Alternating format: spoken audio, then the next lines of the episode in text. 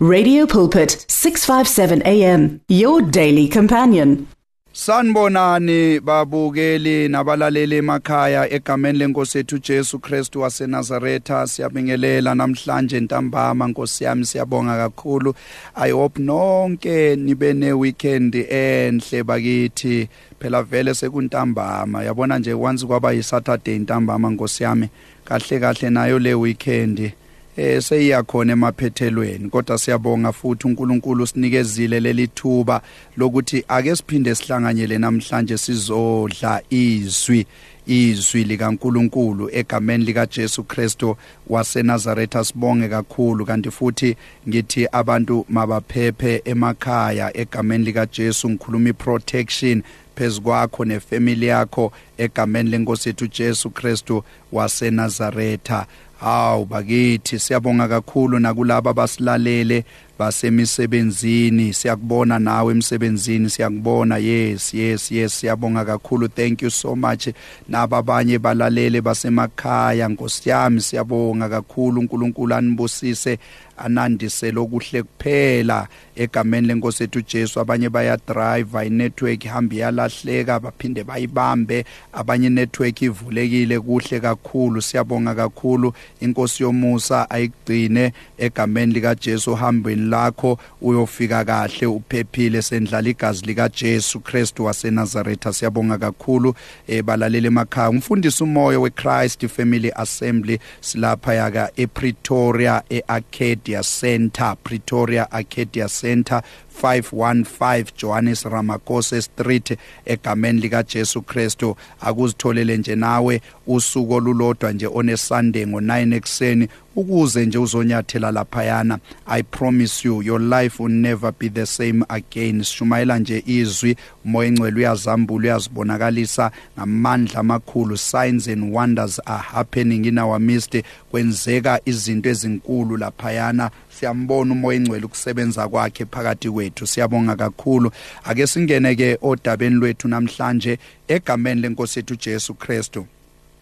Cela ke sivula amabhayibheli ethu ngokaMark chapter 2 from verse 1 to 11 Mark chapter 2 from verse 1 to 11 Mark chapter 2 verse 1 to 11 incwadi yethu kaMark chapter 2 verse 1 to 11 ifundeka kanje. uJesu waphinde wangena eKapenaume emva kwezinsuku eziningi. Kwezwakala ukuthi usekhaya. Verse 2 kwase kubuthana isixuku akwabe kusaba khona indawo ngasemnyango.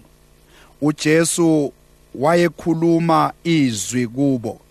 Nakho mfuna ukubambe uJesu ubuthanise isixuku kugcwela abantu into ayikhuluma kubo kwakungazona izindaba wayekhuluma izwi.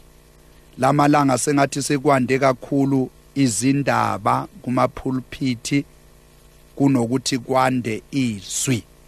Uma singabuyela nje bafundisi ke sikhulumeni izwi hayi izindaba ke singene ezwini sihlalene ezwini isixuku njengoba sila sizele izwi.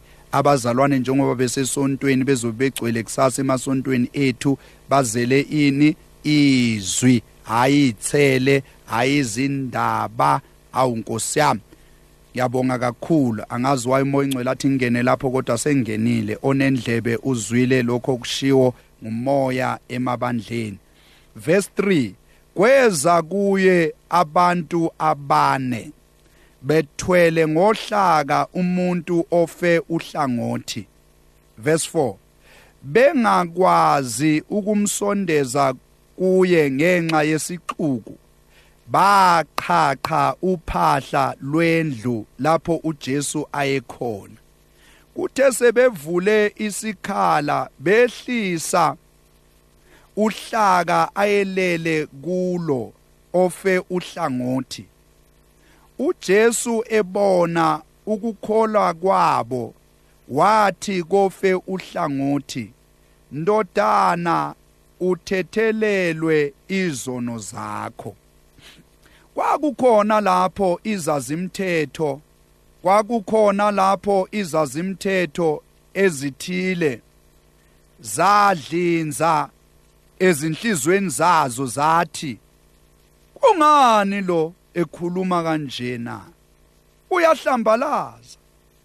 Ngubani ongathethelela izono ngaphandle kaNkuluNkulu na?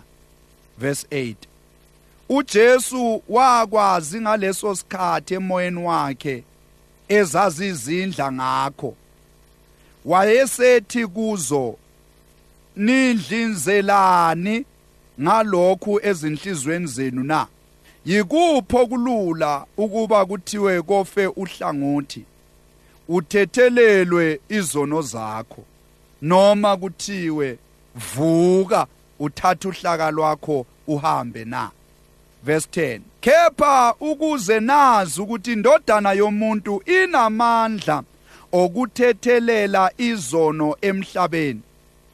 Wathi kofe uhlangothi ngithi kuwe vuka uthathe uhlaka lwakho uye endlini yakho. Wasevuka wathatha uhlaka lwakhe masinyane waphuma phambi kwabo bonke. Bamangala bonke bamdumisa uNkulunkulu bathi asikaze sikubone okunje. Sibongile baba izwi lakho lingcwele liphilile. Baba siyathandaza alenza umehluko einhlizweni zethu. Alithatha indawo. In the name of Jesus amen. Eh balalele emakhaya. Nalo udaba nayi indaba. Eh lithi iBhayibheli uJesu wangena emzini othizeni eKapenawume Now lithi iBhayibheli uJesu mayefika lapho kwakunesixuku esiningi ngendlela emangalisayo. Abantu babebuthene beyisixuku phambi kwaJesu. Now ngifuna ukuthi uunderstand ube ne clear picture yento eyayisenzakala la. Njengoba ubona abantu bephambi kaJesu kanje omunye nomunye uze kuJesu ngenkinga yakhe. Ungathi ngiyabona wena wake wabona ichibi laseBethesda. Lithi iBhayibheli laphayana kwakukhona lonke uhlobo lwesifo kwakukhona lonke uhlobo lokugula. Ngabaphambene ingqondo babekhona abangabona emehlweni babekhona izithulo ezingezwe endlebeni zazikhona impumputhe zazikhona imungulu zazikhona ishosha zazikhona ngabagcweli leprosi babekhona ngabalimela abagwaziwe babekhona ngabashayiswe izimoto babekhona. Ngifuna upicture nje lonke lolu hlobo lomuntu olwalulaphaya omunye nomunye unenkinga yakhe. Naw lithi iBhayibheli isixuku sasilapho ngathi ngiyabona nabaseyikolodini bekhona. Hey ungathi ngiyabona nabasemacaleni abagijima amakhothi nabo bathi nabezwa kuthiwa hey kukhona umuntu kaNkuluNkulu khona uJesu endawe endaweni. Nabo ngathi ngiyabona begijima bethi hey angazi ngiyomelwa ngibani phela ummeli onguyena onguyena yena nguJesu. Ake ngiye kuJesu mhlambe nami eh lecala engibhekane nalo lingasulwa lingaphelele emoyeni. Hey yilona loyo owayenenkinga yakhe wayekhona lapho ungathi ngiyabona abanye ababekhona kuleyo ndawo abanye babe nama hearing emsebenzini. Athi umuntu nkosi yami ngoba vele ngususpension sengizwile bathi uJesu ukhona endaweni thizene eCapernaum nami ngiyakhona. Mhlawumbe sengafumana umusa. Indaba yami yasemsebenzini iphelele emoyeni. Ngifuna ukuthi ubuke leso simo ukuthi omunye nomunye wayelaphayana ngenkinga yakhe omunye nomunye wayephushwa zinkinga zakhe. Ngathi ngamemezela namhlanje ngithi uyabona wena osahlele ekhaya?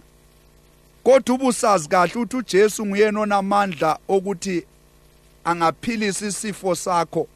Nguyonamandla okuthi angaqeda inkinga zakho. Nguyonamandla ukuthi angakulwela ezimpini zabathakathi obhekane nazo. Kahle kahle uma ngabe ngempela ngempela uyazi ukuthi uJesu unamandla wena ngama Sundays bungeke ulove esontweni wena. Ubungeke ulove wena esontweni wena. Ngoba ngibuka mina iscenario yabantu ngesikhathi sika Jesu ukuthi hey babengadlali laba bantu laba babephuma ngobuningi beyofuna usizo. Uma beke bezwa nje ukuthi uJesu sendaweni babephuma ngobuningi. Omunye nomunye uthi angisali. Yini into emenza ukuthi angahlala ekhaya? Ngoba kunalento ethi kuye noma angahlala la ekhaya kuyafana. Ngoba inkinga yami ayizi ukuqedwa ukuhlala ekhaya. Kungcono ngiye ebukhoneni bukaNkuluNkulu ngoba ebukhoneni bukaNkuluNkulu kunama chances okuthi isimo sakho singalunga kodwa ukuhlala ekhaya i-chance yokuthi isimo sakho singalunga is very slim. Okungale kwalokho usungahlaseleka ngumoya wesuicide. Size kuthiwa umzalwane nangu sezithathe sethatha impilo yakhe. Umzalwane sephuza amapilisi umzalwane nangu phela ubesezibophele umzalwane lokhu nalokho okanye umzalwane sephindele otshwaleni umzalwane nangu segijima ama club wenzani lapho wena otshwaleni is because uzama ukukhipha lobuhlungu beyinkinga obusenhlizweni yakho. Kanti ngabe uya uyamthemba uNkulunkulu ukuthi uNkulunkulu nyamethemba mina ukuthi isimo sami ngasishintsha yebazalwane uNkulunkulu akayona imagician uma siya enkonzweni asila phayana ngoba kuna hey kwesinye isikhathi uNkulunkulu unakho ukuthi akwenze njengo Abraham kuya uNkulunkulu akasiphenduli ngokufana. uAbraham lithi iBhayibheli kwadlula iminyaka. Eloku ethenjisiwe kuthiwa wena ungubaba wezizwe zonke uzoba nendodana yakho igama layo kuzoba nguIsaac. Kodwa wahamba iminyaka engakayitholi lento ayifunayo kodwa sizwa eBhayibhelini lithi iBhayibheli uAbraham wajika endleleni wabuyela eHaran waphindele eHaran wathi yazini inkosi wena ungisuse ekhaya kithi lengihlalele kahle ngcono ngiphindele ekhaya. Hey njengoba wena usuphindele ekhaya usuhlele ekhaya awususuyilwekile uhambo lokuye eKenani la uNkulunkulu athe kuwe hamba uyezweni engizokubonisa lona. Uma ufika lapho ngizokwenza ube yisizwe esikhulu. Izithembiso zakho azikho ekuhlaleni ekhaya. Izithembiso zakho zisesisukumeni zisohambweni lakho uzuyofika la uNkulunkulu athi izwe la uzofika khona. Ngizokubonisa lona. Ungakaliboni izwe ungakayiphathi ngesandla leyo nto oyifunayo. Ungayeki mntana sekhaya ungayeki mntanami. Ekholweni la siyalingwa ekholweni la siyahlaselwa ekholweni la siyathukwa ekholweni la siyakhulunywa kabi. Ekholweni kukhona izinqinamba kunezimpi zohambo lokukholwa. Owakutshela wathi kulule ekholweni wayekhohlisile. Mhlawumbe ile message okumele siyishintshe lento yokuthi receive your miracle abantu bagijima nje. Bayohlangana einkonzweni bagcwale kanti einhlizweni zabo. Bona babheka ama miracles abanandaba nomnikazi wama miracles hamba uyobheka impilo kaHana kuzathola uSamuel lithi iBhayibheli unyaka nonyaka unyaka nonyaka unyaka nonyaka. Wenzani uHana? Uye enkonzweni. Uyofunana eShilo uyothandaza. Uthi baba ngeke ngigive up until lento ngize ngiyithole. Angazi wena osugive up uhlala ekhaya ngoba wena unezikoloto ngoba wena uhlaselekile ngoba wena unama challenges hey hey akufunde izwi. Uma bazalwane singafunda izwi sizo understanda ukuthi kahle kahle into kaNkuluNkulu akuyona isifani kalo into kaNkuluNkulu bazalwane akuyona into yemagic. Akuyona into ongavuka namhlanje kuthiwa sewuyi multimillionaire angazi ukuthi wena unesikhwishikhwishi ohamba uyokhuluma naso sikufakela imali uyokhuluma naso sikufakela amabhizinisi. Hey! La kuyathandazwa uthandaze njengo Elijah usentabeni uthandaze lokuthumele njalo inceku uthi ubonani inceku ijike ikunikeza impendulo ithi angiboni lutho. Manje sinenkinga ngabazalwana abathandaza kabili kathathu kabili kathathu kabili kathathu. Makungakabonakali lutho athi umuntu hayi ngiyayeka yikho lento hamba uyofundiswa uzobona ukuthi bonke abathola isimangaliso sabo badlule kuphi. uJesu ufike endaweni isixuku siza ngobuningi. Ngathi ngiyabona baya kuJesu omunye nomunye uzimisele uthi angibuyele emuva isimo sami siloke sinje. Angibuyele emuva. uNkulunkulu angashintshanga indaba yami. Lithi iBhayibheli kubo labo phakathi kwaleso siquku kwakukhona amadoda amane. Lithi iBhayibheli lamadoda amane ayephethe umuntu oyefe uhlangothi wayelele phezukohlaka in other words he was sleeping on a stretcher. He was sleeping on a pallet. He was paralyzed. Lo muntu akanamandla. Yebazalwane umuntu oparalyzed kahle kahle kusho umuntu ongasakwazi ukuzenzela lutho. Ngiyazi wakwaphatha imali wena wake waba nezimali zakho wena khona manje usuphila ngokucela. Wake waba utho ebantwini wena. Khona manje uparalyzed financially awusena voice. Wena kahle kahle wake waba yinto yalo wena kahle kahle wake waba ngumuntu ebantwini. Kodwa manje awuseyona into yalutho manje. Ufana nomuntu oparalyzed. Khona abanye abagulayo manje noma bephuza imithi yabo abayiphuzayo bephuza amapilisi abawathathe kodokotela lalela leyo lezo zinto azikusebenzeli ulele manje uparalyzed. Hey ngithi mina lukhona usizo kuJesu. Omunye nyamuzwa uthi mfundisi engikwenze konke sengigijime bonke abafundisi ngazama yonke indawo stila kulungi. Lalela ngithi awukakamzama umfundisi umoyo akufike mhlawumbe ukuzongibona ngubeka izandla. Futhi ngeke ngigcobise ngamafutha ngeke nginikeze ekhandlela ngeke nginikeze sawuthi ngeke nginikeze siwasho. Ngizokhuluma izwi phezukwesimo sakho uzophuma uphila. Akuze ke ngizokubeka izandla.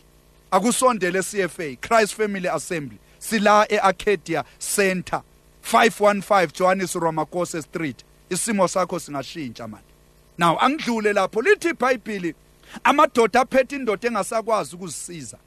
Ngathi ngiyabona le ndoda njengoba iparalyzed kusho ukuthi yake yaziphilela kamnandi yake yaphila kahle yake yaba namandla nayo. Kodwa njengoba isiparalyzed kanje kusho ukuthi ayisenawo amandla. Khona abantu engikhuluma nabo manje bake baba namandla kodwa manje asekho amandla. Kodwa uthi uNkulunkulu angizokutshela ukhona uJesu. Khona umsindisi wempilo yakho. Khona umafunga angajiki. Khona ingonyama yesizwe. Somndeni kaJuda. Ungagive up lithi iBhayibheli lamadoda ayithwala le ndoda aya nayo kuJesu. Kodwa kwaba khona ichallenge. Uma sekumele baye kuJesu bafike kuJesu ebukhoneni sebesebukhoneni bakhe. Kodwa bakafiki kuye. Yini ebavimbile? Lithi iBhayibheli kwakunesixuku phakathi kwalamadoda noJesu. In other words lamadoda noma zamo athi afuna ukuya kuJesu akusadluleki. Kunesixuku lesi sixuku omunye nomunye uphethwe inkinga yakhe omunye nomunye uzela uJesu naye ufune yakhe indaba ilunge. Ngamanye amazwi akusekho umuntu onepatience nomunye akusekho umuntu ozwela omunye la. Omunye nomunye uthi hey uma ke kwasizakala mina kuqala nawu lithi iBhayibheli lamadoda kunokuba ajike aphindele emuva ekhaya athi hey sesizamile akuzameki akwenzeki. Noma sisebukhoneni bakhe uJesu kuyafana. Lithi iBhayibheli lamadoda athi asibuyele emuva siyohlala ekhaya nesimo siloke sinje. Khona umuntu enizomkhuthaza namhlanje ngithi awuhlale ekhaya ngenxa yesimo. Awubuyele emuva ngenxa yokuthi lento oyifuna kuJesu awukakayitholi. Hayi bazalwane asihlale ekhaya sifukamele izinkinga zethu. Bese sithi thina hayi sesikhathele thina ukuya esontweni sineyinkinga eziningi kuyafana noma usekhaya.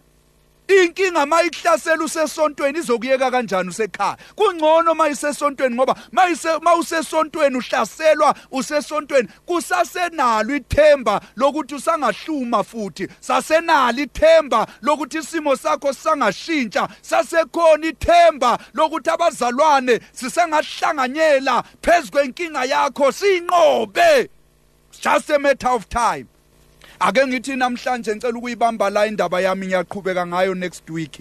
Ngicela ukuthi ungaphuthelwa ngoba ngifuna ukuthi si understand ukuthi kwenzakalani kulamadoda amane. Athola kanjani isimangaliso sawo? Yini into eyenza ukuthi angagive up aphindele ekhaya? Njengoba sesinabo abazalwane manje abagive uphile baphindele emakhaya. Bagive up nje ngenxa yesixuku. Ngoba lithi iBhayibheli kwakunesixuku phambili. Ye isixuku siyohlala sikhona and isixuku sokudiscourage ungaconcentrate ufocus esixukwini uzolimala. Ulimale khona ebukhoneni bukaNkuluNkulu. Asivale mntanami asivale mntana sekhaya.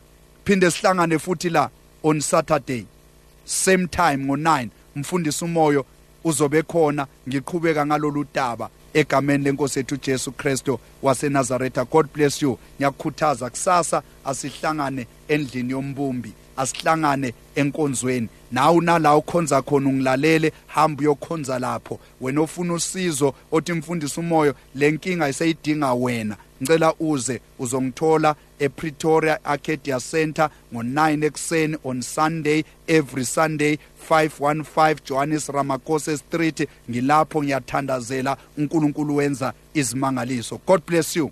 See you next week. The words of the Lord are words of life. Your heart is on 657 AM 657 AM radio for believers in action